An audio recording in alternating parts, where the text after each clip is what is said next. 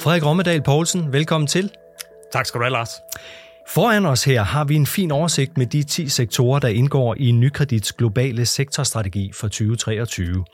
Her opgør I, hvilke af de økonomiske sektorer eller brancher, kunne man også sige, der er attraktive at se på som aktieinvestor i 2023, og hvilke der ikke er. Af de 10 her, hvis du skulle pege nogen ud som specielt interessante her i år, vi skal holde øje med, hvad vil du så vælge? Jamen, jeg vil helt klart vælge de tre, som vi har sat på overvægt den her gang. Øh, fordi overvægt, det betyder jo, at vi tror på dem. Vi tror, de kan klare sig bedre end det, det brede marked. Så fra mit perspektiv, jamen, så vil det dels være et fokus på de defensive sektorer, som vi tror kommer til at klare sig godt i et, øh, et volatilt markedsmiljø, det vil sige øh, sundhedsaktierne, øh, som dækker over medicinal og øh, producenter af medicinsk udstyr, og det er forsyning, som er øh, selskaber, der leverer varmeløsninger, vand og så videre, altså det, vi bruger i dagligdagen. På den anden side, så er der selvfølgelig også et stort fokus på renterne i løbet af 2023. Og i den forbindelse, jamen, så er der helt klart også nogle sektorer, der vil være langt mere påvirket, kan man sige, end andre i forhold til den udvikling, vi kommer til at se. Der tror vi blandt andet, at nogle af dem, der havde det sidste år, IT-aktierne, det vil sige Apple, Microsoft osv., som blev ramt af de højere renter og en høj prisfastsættelse sidste år, og som nu er kommet lidt mere ned, jamen der tror vi altså, der kan komme noget medvind på cykelstien fra, fra renterne i år. Tak for det, for den lille intro her til sektorstrategien. Endnu en gang velkommen til dig, Frederik Rommedal Poulsen, senioranalytiker her i Nykredit. Og hvorfor I har valgt strategien og anbefalingerne, det er netop det, vi skal snakke om i denne podcast her fra Investor Insights. Velkommen dermed også til lytterne. Mit navn er Lars Derbo.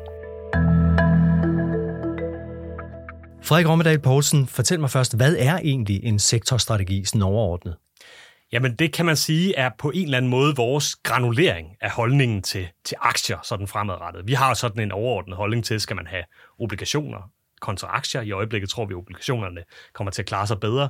Men når vi investerer i aktier, fordi det gør vi jo altid, selvom at vi har lidt færre aktier, end vi plejer at have i øjeblikket, hvad er det så for nogle aktier, vi foretrækker?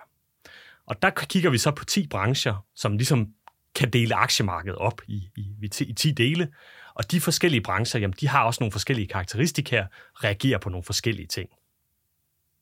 Så det er simpelthen sektorstrategien. Når man så læser jeres øh, strategi i år, så er der to overskrifter, man lægger mærke til, to temaer, kan man sige. Og det ene, det er renter og inflation, og det andet, det er vækst, som sandsynligvis afløses af recession. Hvis vi nu starter med renterne, hvor spiller de ind, renterne og inflationen, hvor spiller de ind på jeres øh, valg af sektorer? Jamen det kan man sige, de gør i, øh, i den forstand, at, øh, at når vi kigger på sådan aktiemarkedet som helhed, jamen så kan man sige, at vi har også en inddeling, der hedder i stilarter. Der har vi noget, der hedder vækstaktier, som typisk er rentefølsomme, hvor rente, højere renter er negativt. Og det skyldes simpelthen, at, at den værdiskabelse, de har, jamen den ligger typisk langt ude i fremtiden. Og det vil sige, målt op mod et risikofrit aktiv, som for eksempel en obligation, jamen så skal de altså give noget mere, kan man sige, for at, at berettige øh, deres øh, prisfastsættelse. Det er det modsatte med value-aktierne, som, som typisk har deres indtjening tæt på, og derfor altså er mindre rentefølsomme. Det scenarie, vi øh, skal, eller hvad kan man sige, øh, tegner op for 2023, jamen det handler jo overordnet set om, at, at langt den største del af rentestigningen, vi har set, jamen den er bag os nu. Og faktisk, når vi kigger ind i året, jamen så regner vi med, at investorerne kommer til at kigge fremad og sige, økonomien kommer til at vokse mindre, end den plejer, inflationen kommer til at aftage i løbet af året, og det kommer til at give nogle muligheder for, at vi på et eller andet tidspunkt i vores forventning i 24 kommer til at se renterne falde tilbage igen. Det har en indvirkning på de lange renter, som er typisk også det, som aktiemarkedet er mest øh, følsomme for, og vi tror faktisk, at de lange renter kommer til at falde i løbet af året. Og det betyder altså, at de her vækstaktier, der havde det super svært sidste år, fordi renterne stiger så voldsomt, jamen de kan altså få bedre dage. Hvis vi så bryder det ned på sektorer og jeres anbefalinger, hvad er det så for sektorer, der især er i spil med, med det scenarie, du lige har beskrevet? Ja, man kan sige først og fremmest selvfølgelig IT og teknologi, som er vores foretrukne valg inden for det her vækstunivers. Og det er det, fordi vi rigtig godt kan lide de virksomheder, der ligger der i. De tjener masser af penge. Deres profitabilitet, altså deres evne til at generere værdi, er, er meget høj og har faktisk været det også i udfordrede perioder, øh, for eksempel under covid-19, og, men sådan set også på den efterfølgende del, kan man sige, har, har de leveret rigtig fin værdiskabelse. Vi har nu set, at markedet inden for IT og teknologi er blevet repriset det sidste år. Det er simpelthen blevet billigere at købe IT-aktier i forhold til resten af, af markedet. Og vi tror på, at når der kommer den her stillstand i, i renterne, jamen så vil investorerne også kaste blikket på de her selskaber, som altså som sagt leverer rigtig fin øh, værdiskabelse til, til pengene i øjeblikket. Det andet sted, hvor vi også kigger på på renteeffekten, kan man sige, jamen det er faktisk i den anden del af vores sektorstrategi, altså noget af det, vi tidligere ikke særlig godt kunne lide, som vi nu ser lidt mere lys på. Det er blandt andet inden for det, der hedder kommunikation, som er sådan en, ja, nu siger jeg det lidt groft, sådan lidt en, en skraldespandssektor i forhold til, hvad, hvad sådan logikken i sammensætningen er. Fordi det er alt muligt i forhold til sociale medier, det er i forhold til streamingplatformer, det er i forhold til telekom, altså øh, teleudbydere. Og, og det er selvfølgelig klart, at, at de selskaber i sig selv er meget forskellige, men samlet set, der har vi altså set, at de dominerende selskaber, det vil sige Alphabet, altså Google, Meta, Facebook, jamen de er også ekstremt rentefølsomme og blev altså presset meget voldsomt ned i løbet af 2022. Og der tror vi altså, at fremadrettet, når de her ting stabiliserer sig, der får man altså der øh, noget mere værdi for pengene, end man gjorde tidligere. Så det var IT-teknologi, som I har øh, uændret som en overvægt. Yes. Og så var det kommunikation, som I har løftet for undervægt til neutral. Ja. Øh, hvorfor kommer kommunikation ikke højere op? Jamen det gør den øh, ikke i vores optik, fordi øh, der stadigvæk ligger nogle usikkerhedsmomenter i forhold til de her selskaber. Man skal huske på, at de er ekstremt koncentreret omkring de her store øh, sociale mediegiganter. Og de mediegiganter, de kæmper altså også med nogle ting i øjeblikket, som der stadigvæk ikke er fuldstændig klarhed om. For eksempel øh, usikkerheden i forhold til, jamen, hvor mange reklameindtægter kan man egentlig hive ind i nogle af de her sociale medieplatforme, når man er udsat for hård konkurrence for nogle selskaber, som ikke er øh, børsnoteret, for eksempel TikTok, når erhvervslivet pludselig bliver bekymret for recession og andre ting, jamen, så er noget af det, man typisk skruer først på, jamen, det er for eksempel sådan noget som det. Så jeg synes stadigvæk, der ligger noget i forhold til usikkerheden omkring vækstudsigterne for de her selskaber. Men jeg synes, i og med, at vi tror på, at renterne skal falde til at være, være flade i løbet af året, jamen så er der noget, noget bedre modstandsdygtighed, der var tidligere. Så samlet set, så ender det op i en neutral anbefaling, hvor vi faktisk har været undervægtet den sektor i, i halvandet års tid. Skal vi have flere med her under øh, temaet øh, inflation og renter? Jamen, jeg synes da for eksempel finansaktierne også er det øh, interessant, øh, og det er jo også noget, der typisk er, er forholdsvis tungt i de fleste menneskers øh, portefølje, i og med, at, at finansaktierne fylder ret meget i aktiemarkedet. Og der kan man sige, at der er ligesom to sider af den historie omkring finansaktierne. Dem er vi neutrale på. Øh, den ene side, og det er den gode side, jamen det er jo, at renterne, jamen det er typisk noget, der er godt for finansaktierne. Når vi alle sammen, kan man sige, skal betale mere i rente, jamen så hjælper det de her selskaber og deres indtjeninger. Det er det, vi kan se også i de forløbige regnskaber, vi har fået ud for fjerde kvartal, at de amerikanske banker har haft det rigtig godt. Og jeg tror sådan set også, at de europæiske kommer til at vise noget lignende. På den anden side, og det er jo så der, hvor vi ligesom siger, jamen vi går ikke overvægtet finansaktierne, vi holder dem på neutral, jamen det handler om den økonomiske usikkerhed, fordi finans og bankerne særligt, jamen det er også nogle af de selskaber, der er allermest eksponeret mod den brede økonomi. Det vil sige mod, at den lokale frisør går konkurs på grund af højere energipriser og så videre og så videre og så videre. Så forestiller man sig, at økonomien skal bremse op, og det er vores forventning, forestiller vi os, at der er jo en risiko for, at, at, at tingene går værre, end man havde håbet på, jamen så vil det altså også typisk være finansaktierne, der kan være ramt hårdest i det scenarie. Og den usikkerhed, jamen den gør altså, at vi holder os øh, lidt tilbage i forhold til dem, selvom at det miljø, vi ser lige i øjeblikket, er, er ret stærkt for, for, for bankerne. Og du har jo allerede været godt inde på det, nemlig det her vækst-recessionsscenarie. I beskriver det i øh, jeres sektorstrategi øh, som overgangen fra inflationsbekymring til vækstbekymring. Hvad ligger der bag det udtryk? Jamen, der ligger øh, det øh, udtryk, kan man sige, at, at vi tror, det som markederne kommer til at blive bekræftet i, øh, og faktisk allerede er i gang med at blive bekræftet i, jamen det er, at inflationen har toppet, øh, både i USA, som, øh, hvor man kan sige, at, at den afbøjning har været i gang noget tid nu, men også i Europa, hvor vi begynder nu at se inflationstallene dykke i nedadgående retning.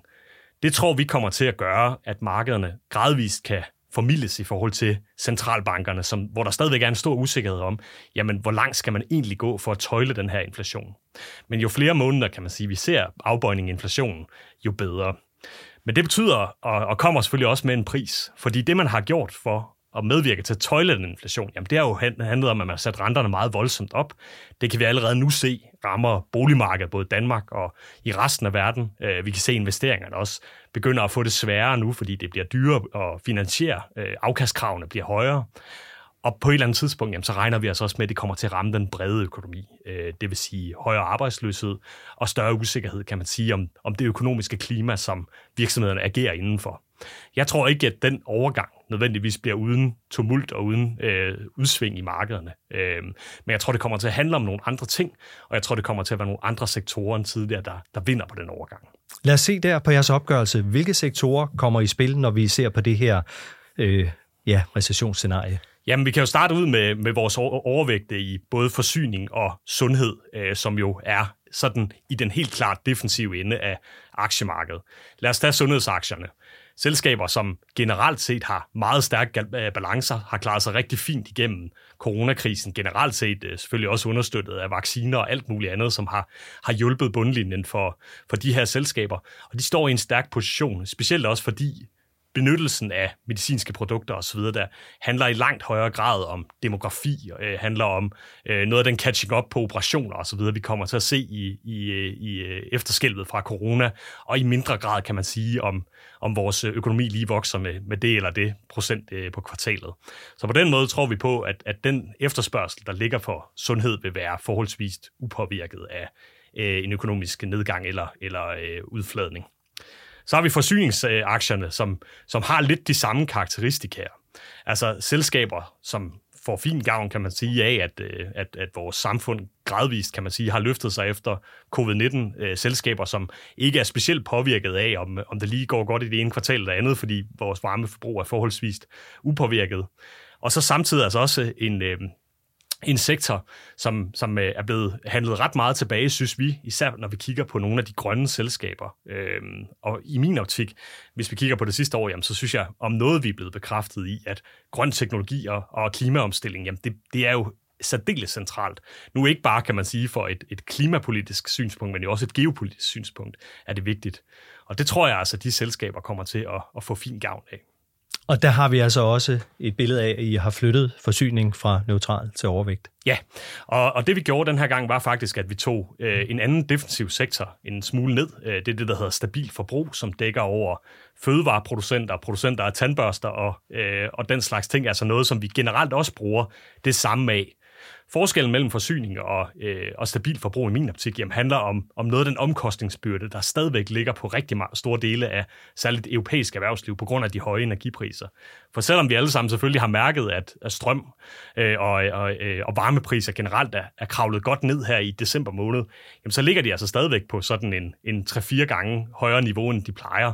Og det æder altså ind i nogle selskaber, blandt andet i stabil forbrug, altså supermarkeder, som skal, skal bruge mere energi til at holde holde varerne kolde og, og så videre der. Og den slags ting der, jamen det er stadigvæk en, en modvind, kan man sige, til den sektor. Hvorimod forsyningsaktierne er bedre dækket ind i, i forhold til, til højere øh, energipriser. Og stabil forbrug er så også vurderet ned nu til neutral for overvægt. Yes. Ja. Der kom vi godt igennem en øh, 5-6 stykker af de her sektorer. Lad mig lige høre dig. Timing er jo alt, siger man. Øh, og det gælder ikke mindst på aktiemarkedet. Og er der en ting, man frygter som investor, så er det kommet for sent ind i det, som pludselig går fremad. Så spørgsmålet er, skal man justere sin egen sektorstrategi lige nu, eller er der nogle tegn, man skal holde øje med? Vores øh, udgangspunkt er jo, når vi sender de her ting ud, at man skal gøre det med det samme. Øhm, fordi det, det, vi tager temperaturen på i dag og siger, jamen, hvad tror vi over de næste seks måneder? Øhm, så på den måde vil anbefalingen være med det samme. Men jeg vil også sige, at, at det man også kan bruge sektorstrategien til, er måske også at kigge lidt på, jamen ligger jeg for tungt i nogle dele af aktiemarkedet.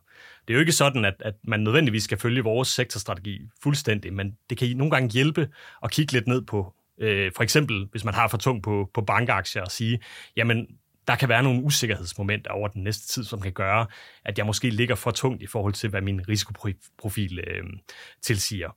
Og der tænker jeg, at, at sektorstrategien kan være en, en udmærket, et udmærket udgangspunkt for at tale med sin rådgiver om, jamen hvis jeg nu skal skifte og, og blive lidt mere øh, diversificeret, lidt mere polstret, kan man sige, til, til det her usikre økonomiske miljø, jamen hvad er det så for nogle aktier, jeg skal tage ind for at, at give mig noget større modstandsdygtighed? Et godt råd der. Tak for din analyse, Frederik Rommedal Poulsen, senioranalytiker her i Nykredit. Selv tak du. Og tak for din bud på, hvilke sektorer man som aktieinvestor med fordel kan fokusere på her i 2023. Jeg kan sige til lytterne, at man kan læse hele sektorstrategien under Investor Insights på nykredit.dk. Jeres vært i dag var undertegnet Lars Derbo, og I kan høre flere podcasts og også læse artikler om investering og økonomi på nykredit.dk. I kan desuden finde vores podcast på SoundCloud, Apple Podcasts og Spotify. Tak fordi du lyttede med.